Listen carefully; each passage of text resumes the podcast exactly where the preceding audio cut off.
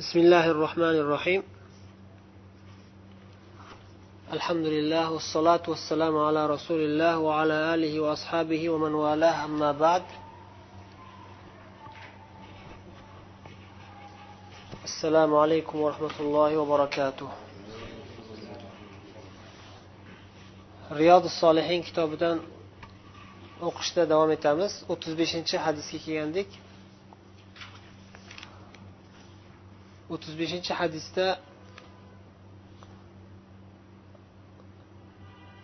mashhur tobiiylardan birlari ato ato ibn abi robah rahimaulloh makka ahli ichida eng katta olim bo'lib yetishgan tobiiy ato ibn abi robah shu kishi rivoyat qilyaptilar. Ustozlari kim? Ustozlari ibn abbos. Va boshqa sahobiylardan ham rivoyat qilganlar lekin asosiy aytdi hozir ibn abbosdan rivoyat qilyaptilar.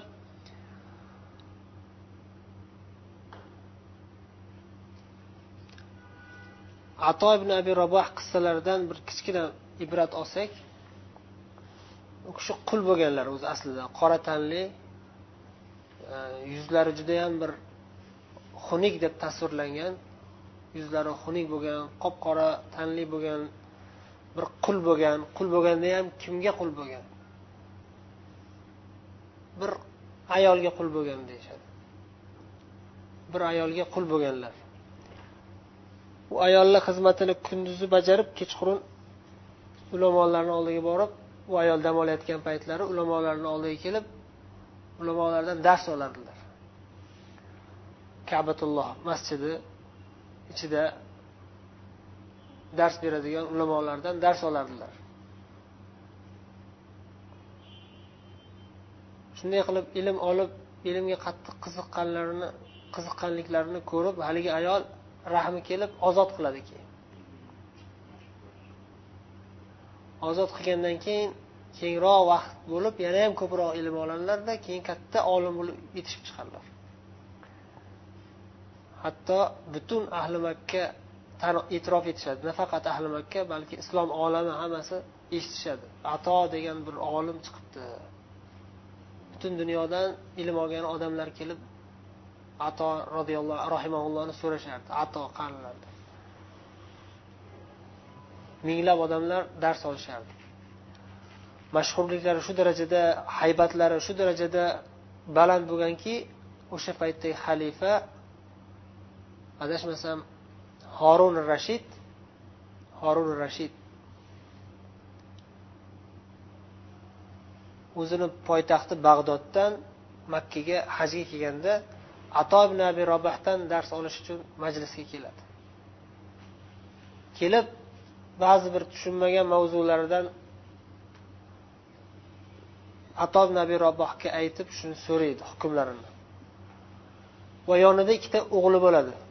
Kelajak podshohlar shahzodalar. Shunday terlab qaltirab savol so'raydi. Haligi. Horun rashid atoni oldilarida haybatlanib qo'rqib turadi. Qop qora tanli basharasi judayam bir kelishmagan deb aytishadi tasvirlashga lekin shunday bo'lsa ham olloh ilmi taqvosi tufayli shunday bir haybat bergandiki ko'rgan odamlar haybatlanib turishardi o'shada savol so'rab qaytishayotganda ikkita o'g'li keyin dadasidan so'raydi. Amir al mo'minin otajon hech kimni oldida bunaqa haybatlanganingizni ko'rmagandik. Kelib kelib shu qop qora tanli odamni oldida haybatlanasizmi desa ey bir narsa deb turib urushib farzandini bu odam musulmonlarni imomi rahbar katta olim bu odam. Ahli makkani imomi bu. Mana shunday taqvo ilm ko'targan buni degan ma'noda javob qiladi. Horun rashid. Endi horun rashid o'zi ham ancha yaxshi odam bo'lganda. Ancha ilmga qiziqqan taqvosi bor xalifa bo'lgan. Xullas atom raboh shunday buyuk olim bo'lganlar. Demak qul bo'lsa ham xunuk bo'lsa ham e'tiborsiz bo'lsa ham vaqti kam bo'lsa ham umid uzmaslik kerak. Tolibi ilm astoydil harakat qilish kerak. Biz bu nima uchun aytyapmiz? Chunki biz hammamiz ilm yo'liga chiqqanmiz deb o'ylaymiz o'zimizni. Talab ilm qilyapmiz deb o'ylaymiz.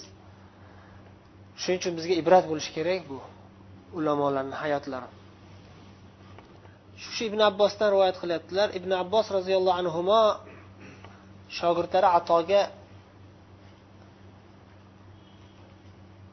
dars berib nasihat qilib yurgan yo'llarida ta'lim berib ketyaptilarda aytyaptilarki ala urika min ahlil janna? Faqultu bala senga jannat ahlidan bo'lgan bir ayolni ko'rsatmaymi? Ko'rsataymi xohlaysanmi degan ma'noda. Ato aytdilarki bala albatta ko'rsating menga. Qola mana bu qora tanli ayol. Dedilar. U yosh qarib qolgan bir ayol u ham u ham qora tanli. Ya'ni mana shu narsalar dars bo'lganki atoga ham ya'ni yoshliklarida bo'layotgan voqea bu. Ibn abbosdan olayotgan darslari bu.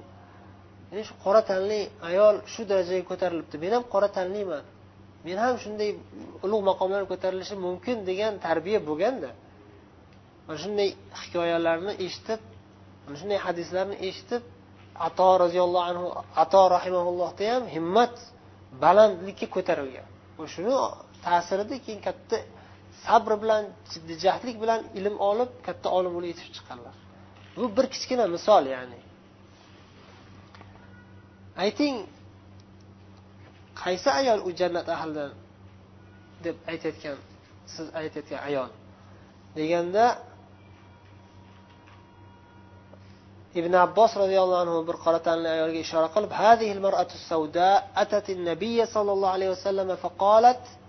إني أسرع وإني أتكشف فادعوا الله تعالى لي mana shu qora tanli ayol rasululloh sollallohu alayhi vasallamni huzurlariga kelib aytdiki bir kuni men hushimdan ketib qolaman usro degani sara ikki xil ma'noda keladi o'lgan urush maydonida ishlatilsa fasaraahu urush maydonida jang maydonida ishlatilsa o'ldirdi deb keladi. Ya'ni o'ldi. Fasuri desa ya'ni o'ldi degan ma'noda keladi. Boshqa joylarda hushidan ketgan degan ma'noda keladi. Bu yerda hozir hushimdan ketib qolaman. Deyapti. Va ochilib ketaman. Ya'ni hushimdan ketib qolgandan keyin ba'zi joylarim ochilib qoladi. Yuzi yoki qo'li yoki boshqa chunki o'zini yo'qotib qo'ygan odam alaykum assalom va rahmatullohi barakatuh. Bilmay qoladi o'zini. Ochilib ketib qolganda shuning uchun menga siz duo qiling ey rasululloh sollallohu alayhi vasallam sizni duoyingiz mustajob. Ya'ni maqsadi shu. Payg'ambarimiz duolari mustajobligini bilganligi uchun so'rayapti. Menga duo qiling dedi. Nimada duo qiling? deb so'ramadi. Ya'ni nimadir deb ayting deb. Ma'lum bir ibora bilan duo qiling demadi. Menga duo qiling dedi umumiy suratda.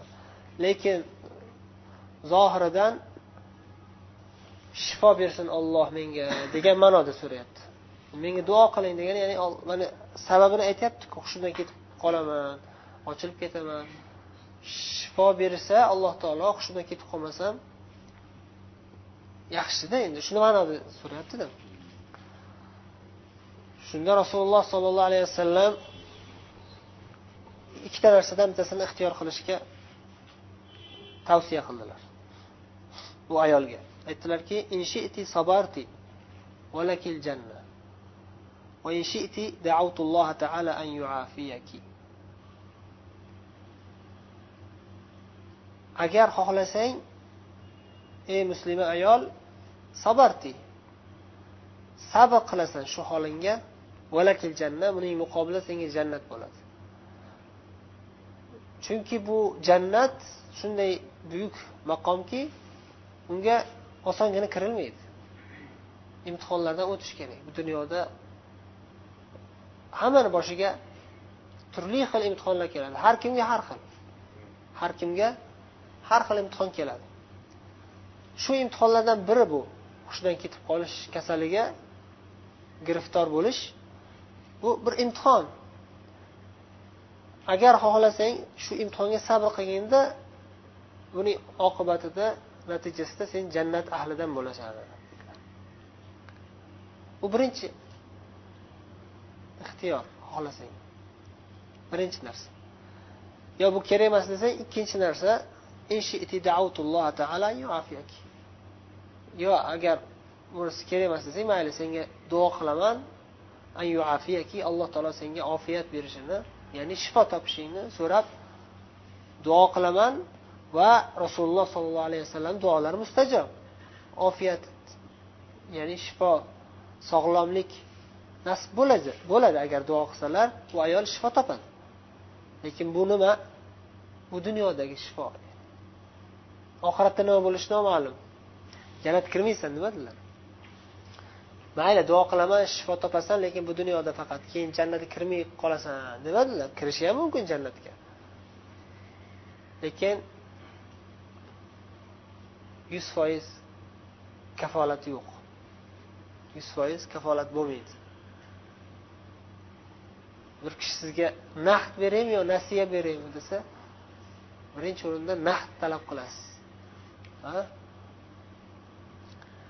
Jannat birinchisida sabr qilsang jannat naqd ya'ni kafolat. Payg'ambar sallallohu alayhi vasallam guvohlik berdilar. Hech qachon orqada qolmaydi bu narsa. Yuz foiz million foiz desangiz bo'laveradi. Ikkinchisida payg'ambar duo qilsalar yuz foiz shifo topadi. Bunda ham shak shubha yo'q. Lekin oxirat haqida gap yo'q. Bu yerda oxirat haqida alloh alam. Nima bo'lishi? Lekin mo'min odam qaysi birini tanlaydi? Shak shubhasiz birinchisini tanlaydi chunki nimaga? Har qancha yashasa ham bu dunyodan baribir o'tib ketadida. Zo'r bu maza qilib yashasa ham necha yil yashaydi? Yuz yil ikki yuz yil boring ming yil yashasin baribir o'ladiku. Asosiy gap cheksiz milliard yillar milliard yillardan keyin tugab qoladimi? Jannat tugamaydi umuman nihoyasi yo'q. Trillion trillion yillar va hokazo ketaveradi oxiri yo'q.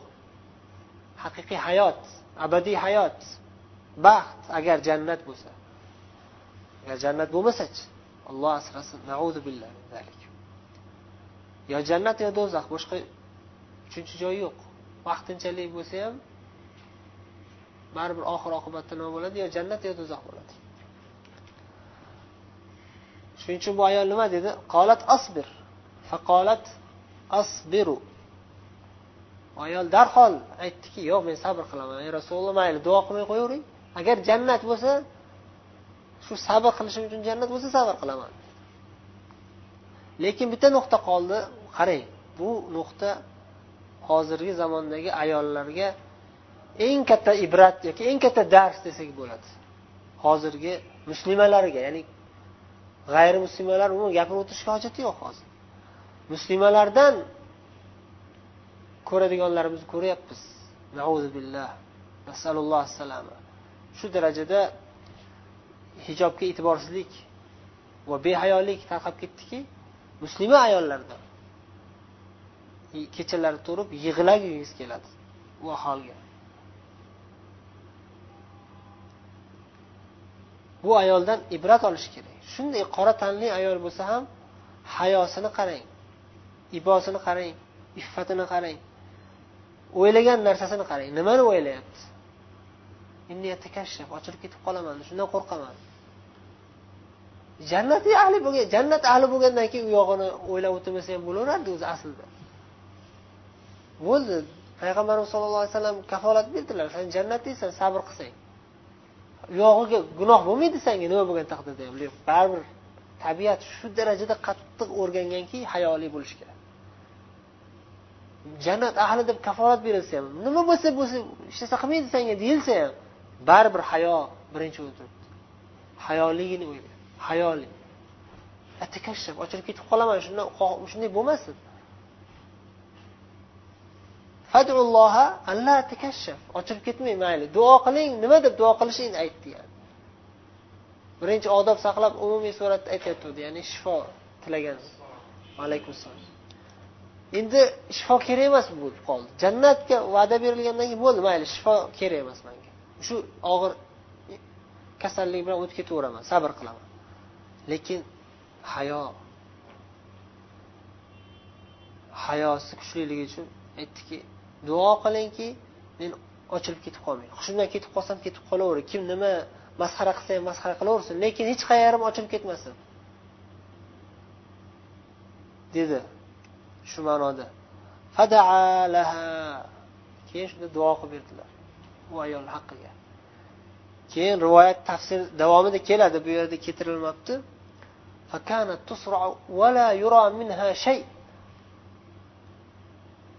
Ko'chada ketayotganda haligi ayol hushidan ketib yiqilib qolardi lekin hech qayer ko'rinmasdi. Nimaga? Chunki payg'ambarimiz sollallohu alayhi vasallam duo qilib qo'yganlar. Har qanaqa holatda hushidan ketib qolsa ham hech kim hech qayerni ko'rmasdi. Hijob to'sib turardi. Hijobi to'la mukammal holatda bekinib turaverardi.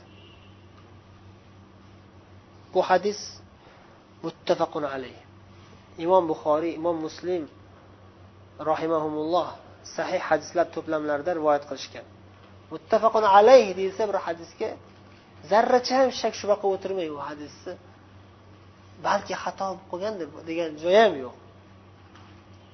Yuz foiz sahih al umma talaqqatha bil qabul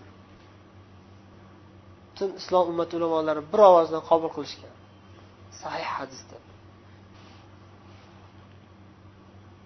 Demak bu hadisdan olinadigan foydalar juda ko'p. Shulardan bitta ikkitasini zikr qilsak kim birinchisini aytadi? Abdulmunim. Ayva sabrli bo'lishlik. Sabrli bo'lishlik jannatga yetaklaydi. Ya'ni sabrli bo'lish deganda faqat sabrli chidamli bo'lish emas. Ixlos bilan. Xolis olloh uchun ajr savob umid qilib og'ir imtihonlarga sabr qilsa nima bo'lar ekan? Jannatga yetishar ekan inshaalloh. Jannatga kirishga sabab bo'ladi. Ikkinchisi hayo ahamiyat.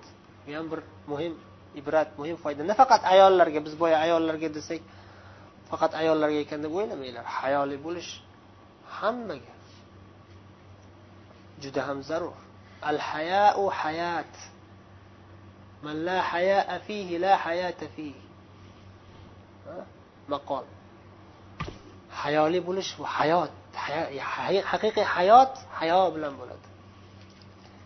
Hayosi uyati bo'lmagan odamda hayot yo'q. Ya'ni u odam yashash foydasi yo'q o'liklardan battar. O'lik odamni ursangiz tanasini u yoq bu yog'ini kessangiz hech narsa sezmaganday behayo odam har qancha sharmandaliklar bo'lsa ham sharmandaliklarni qilsa ham hech narsa sezmay ketaveradi. Degan hadis muttafaq alayh e, imom buxoriy rivoyat qilgan hadis sahih hadis rasululloh sollallohu alayhi vasallam aytganlar. Hayosiz odamni nima deyilgan agar behayo bo'lsang bilgan ishingni qil. Xohlagan ishingni qilaver. Xohlagan ishingni qilaver deganlar. Ya'ni bo'ldi u odamda ta'sir qolmaydi o'likdan battar. O'lik odamni kessangiz misol uchun baqirmaydi voy dod demaydi pitirchilamaydi o'lib bo'lgan. Hayosi ketib bo'lgan odam ham shunday har qancha sharmandaliklar qilsa ham hech narsa bo'lmagandek ketaveradi. Nauzu billah billah. Alloh asrasin. O'shaning uchun hayo hammamizga zarur. Alloh taolo hammamizni hayoli insonlardan mo'minlardan qilsin. Yana yana qanday foyda bor? Kasaldagi odamlar jannatga behisob kiruvchilardan mutlaq bunday deb aytolmaymiz umumiy suratda aytolmaymiz tavhid kuchli bo'lishi kerak ixlos kuchli bo'lishi kerak.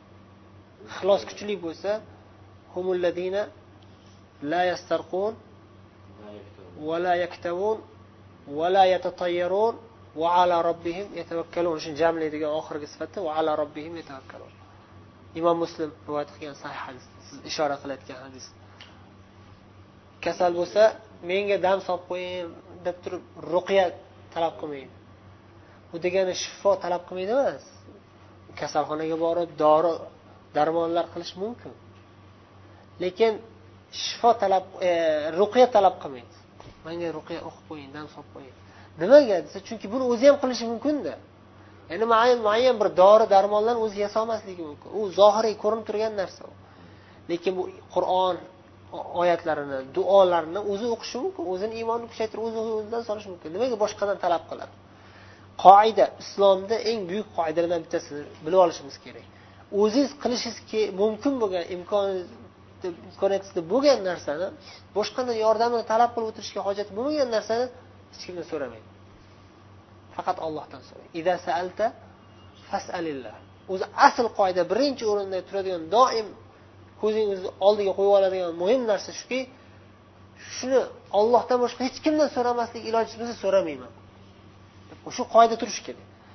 Bu degani mutlaq so'rash mumkin emas degani emas. Joiz bo'lgan holatda balki afzal balki zarur bo'lgan holatlar bo'ladi. Lekin asl umumiy qoida o'zgarmasligi kerak. Imkon qadar hech kimdan hech narsa so'ramayman illo ollohdan faqat ollohdan so'rayman deganlar hatto sahobiylar shu darajada birovdan behojat bo'lishlikka o'rganishganki bir kishi otlariga yoki markablarga minib turgan bo'lsa qo'llaridan haligi hassalari tushib ketib qolsa yonlarida bir kishi turgan bo'lsa o'tirgan joyiga misol uchun. Shuni hassani olib bersa bo'ladi. U olib berayotgan odamga ham hech qanday bir mashaqqat yo'q. U tepadan otda turgan odam pastga tushib olguncha ancha vaqt ketadi ancha harakat ketadi. Shunday gapirib ham o'tirmasdan shunday ko'zi bilan shunday qilib qo'ysa haligi odam shunday olib beradi o'zi birodari.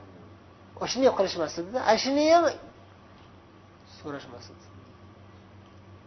sahobiy ikromlar o'zlari birodarlar yaqin birodarlar shu hassani olib bering degan gapni ham gapirishmasdi. O'zlari tushib olishardi. Illo agar yonlarida turgan odam zakiyroq ziyrak odam bo'lsa tushib o'tirmasdan shoshilib olib berishi holati bo'lishi mumkin. Shunday holat uchraydi ya'ni so'rashga hojatini qoldirmasdan shu ham bu ham bu ham buyuk fazilatlardan. Bu ham iymoni kuchli odamlar zakovatli odamlar qiladigan ish. Ya'ni birodarini hojatini kuzatib turish. Tekshirib turishki shu birodarim bir narsaga muhtoj bo'lsa so'ramaydi. Mandan ham boshqasidan ham shu muhtoj bo'lib qolmasin shu birodarim. So'rab o'tirmasin so'rab o'tirish hayoliga ham kelmasin. Deb turib shoshilib xizmat qilish birodariga. Bu alohida bir buyuk fazilat. Buni muqobilda hech kimdan so'ramaslik ham buyuk fazilat. Imkon qadar ya'ni. Shu jihatda e'tiborga olinadi tavhid nima uchun tavhid eng ulug' ibodat? Mana shu nuqtalar borligi uchun. Mana shu nuqtalar borligi uchun. Ya'ni tavhidi mukammal odam ya'ni tavhidni biz aytishimiz mumkinki milliard darajalik bo'lishi mumkin. Balki yetti milliard daraja hozir dunyoda nechta odam bor?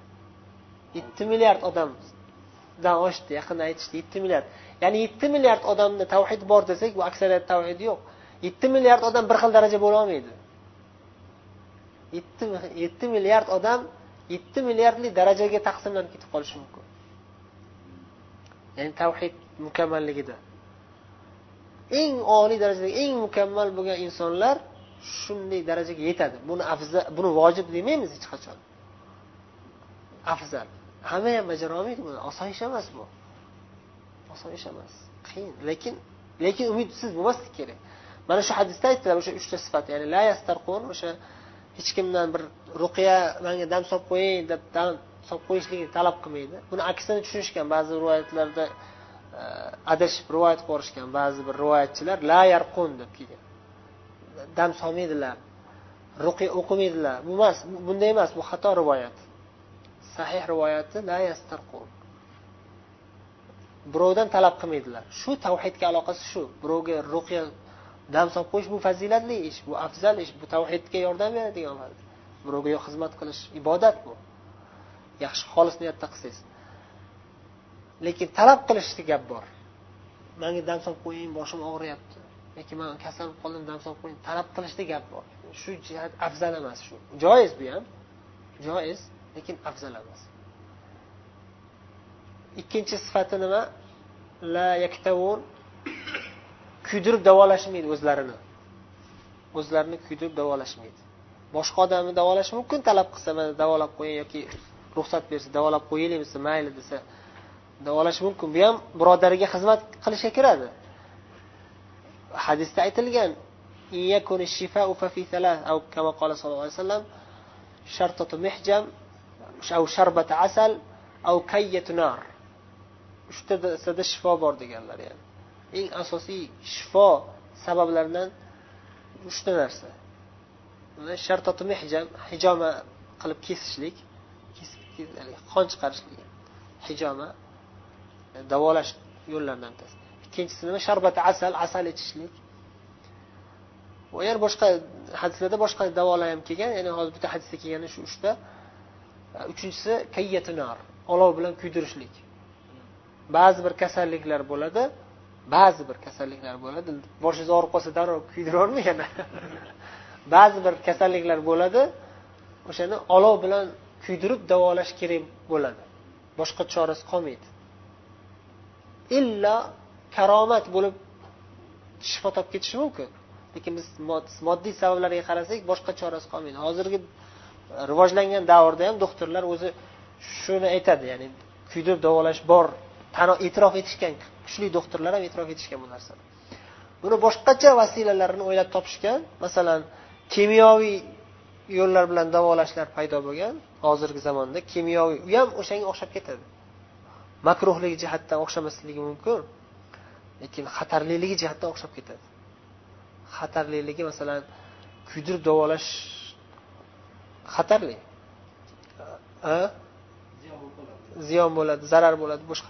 Kimyoviy dorida ham davolashda ham juda xatarli. Doktorlar hozir kimyoviy yo'llar bilan davolashda aytadiki kasalga davolashdan oldin kasal o'zi aqli hushi joyida bo'lsa yoki aqli hushi yo'q bo'lsa yaqin qarindoshlarini va'dasini olib oladi. Bir narsa bo'lsa biz javob bermaymiz o'zinglarga. Shifo topish foizi deydi ellik foiz deydi. Ellik foiz yoki ellik bir foiz shifo topishi mumkin. Qirq to'qqiz foiz o'ladi. Shu davo sababli ya'ni kimyoviy uslublar sababli o'lib ketib qoladi. Deb qo'rqitadi ya'ni. Bor narsa o'zi haqiqatda yaqinda bir katta olim uch to'rt yil bo'ldi. E, shunday qilib davolashdi ko'tarolmadi. Organizm deb qo'yishadiyu ko'tarolmasdan o'lib ketdilar alloh rahmat qilsin. Yani undan oldinroq yana bir olimni ham davolab davolashganda u kishi ham toqatlari ko'tarolmasdan vafot qilganlar. Ya'ni ulamolar ruxsat berishgan bunaqa dorilarga xavfli bo'lsa ham sharti shuki ya'ni ya'ni tuzalish ehtimoli kuchliroq bo'lishi kerak. Ya'ni qirq to'qqiz foizdan ellik foizdan tushsa bo'ldi joiz emas. Allohu alam. Illo zarurat bo'lsa boshqa umuman chora qolmasa endi o'ladi baribir o'ladi. Unday bo'lsa ham o'ladi bunday bo'lsa ham o'ladi desa endi shunda shunday holatda keyin boshqa chora qolmaydi shu ozgina o'n foiz yigirma foiz bo'lsa ham boshqa chora yo'q. Baribir o'ladi. O'n foiz shu shifo sabab bo'lib tuzalib ketishi mumkin degan narsa bo'lsa shunda ruxsat beriladi. Xullas e, biz qayerdan kirib ketib qoldik? O'sha tavhidga zarar qiladigan jihati nimada tavhidga ulamolar aytishgan shu sharh hadis sharhida hayotga muhabbat kuchliligiga dalolat qiladi. Tavhidga zarari shu. Ya'ni inson o'zini kuydirib bo'lsa ham davolashga rozi bo'lishi. Hayotga muhabbati ko'pligiga dalolat qiladi. O'limni juda qattiq yomon ko'rib o'limdan qattiq qo'rqishligiga dalolat qiladi. Iymoni kuchli odam unday bo'lmaydi. Iymoni kuchli odam tavhidi mukammal tursin nima bo'lsa ham birinchi o'rinda tavhidi mukammal tursin o'lib ketsam o'lib ketaveraman. Boshqa chora yo'q. Deb e, endi mayli so'rayman endi birovdan yordam so'rayman. Mayli kuydirib bo'lsa ham davolanglar tirik qoling yashab qoling degan gaplar bo'lmaydi u odamda. Tavakkul kuchli.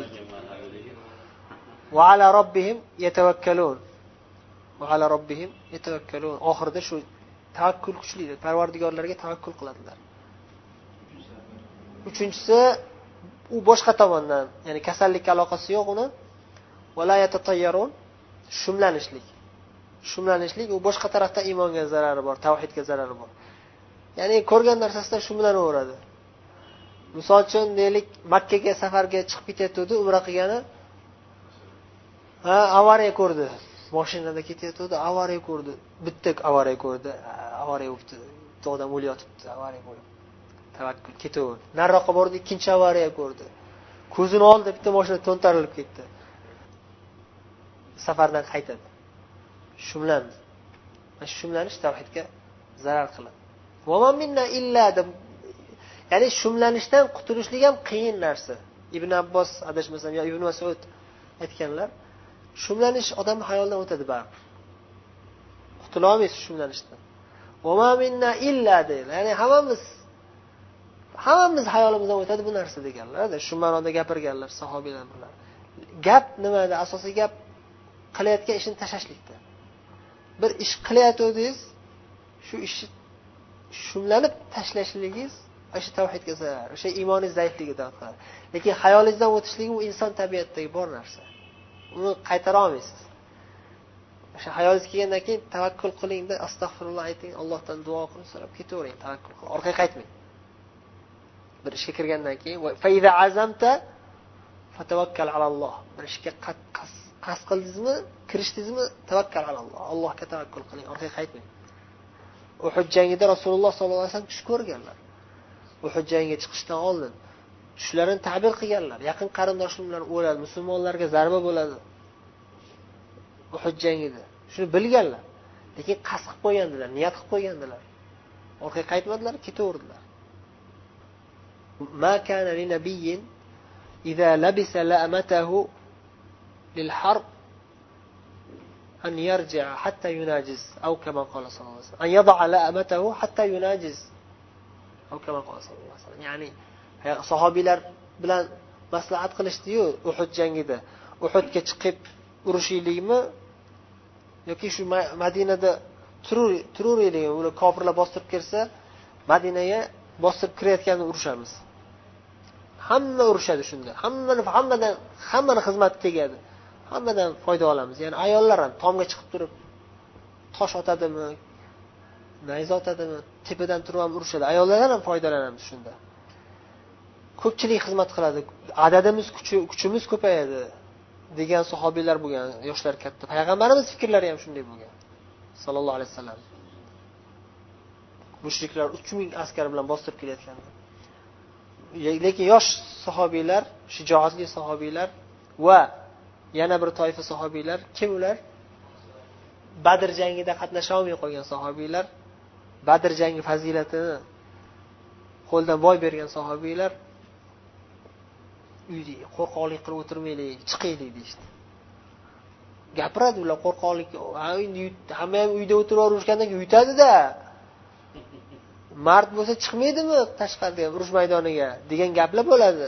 Biz unaqa gap ko'tara olmaymiz chiqamiz urushga deganlar bo'lishdi ba'zilar.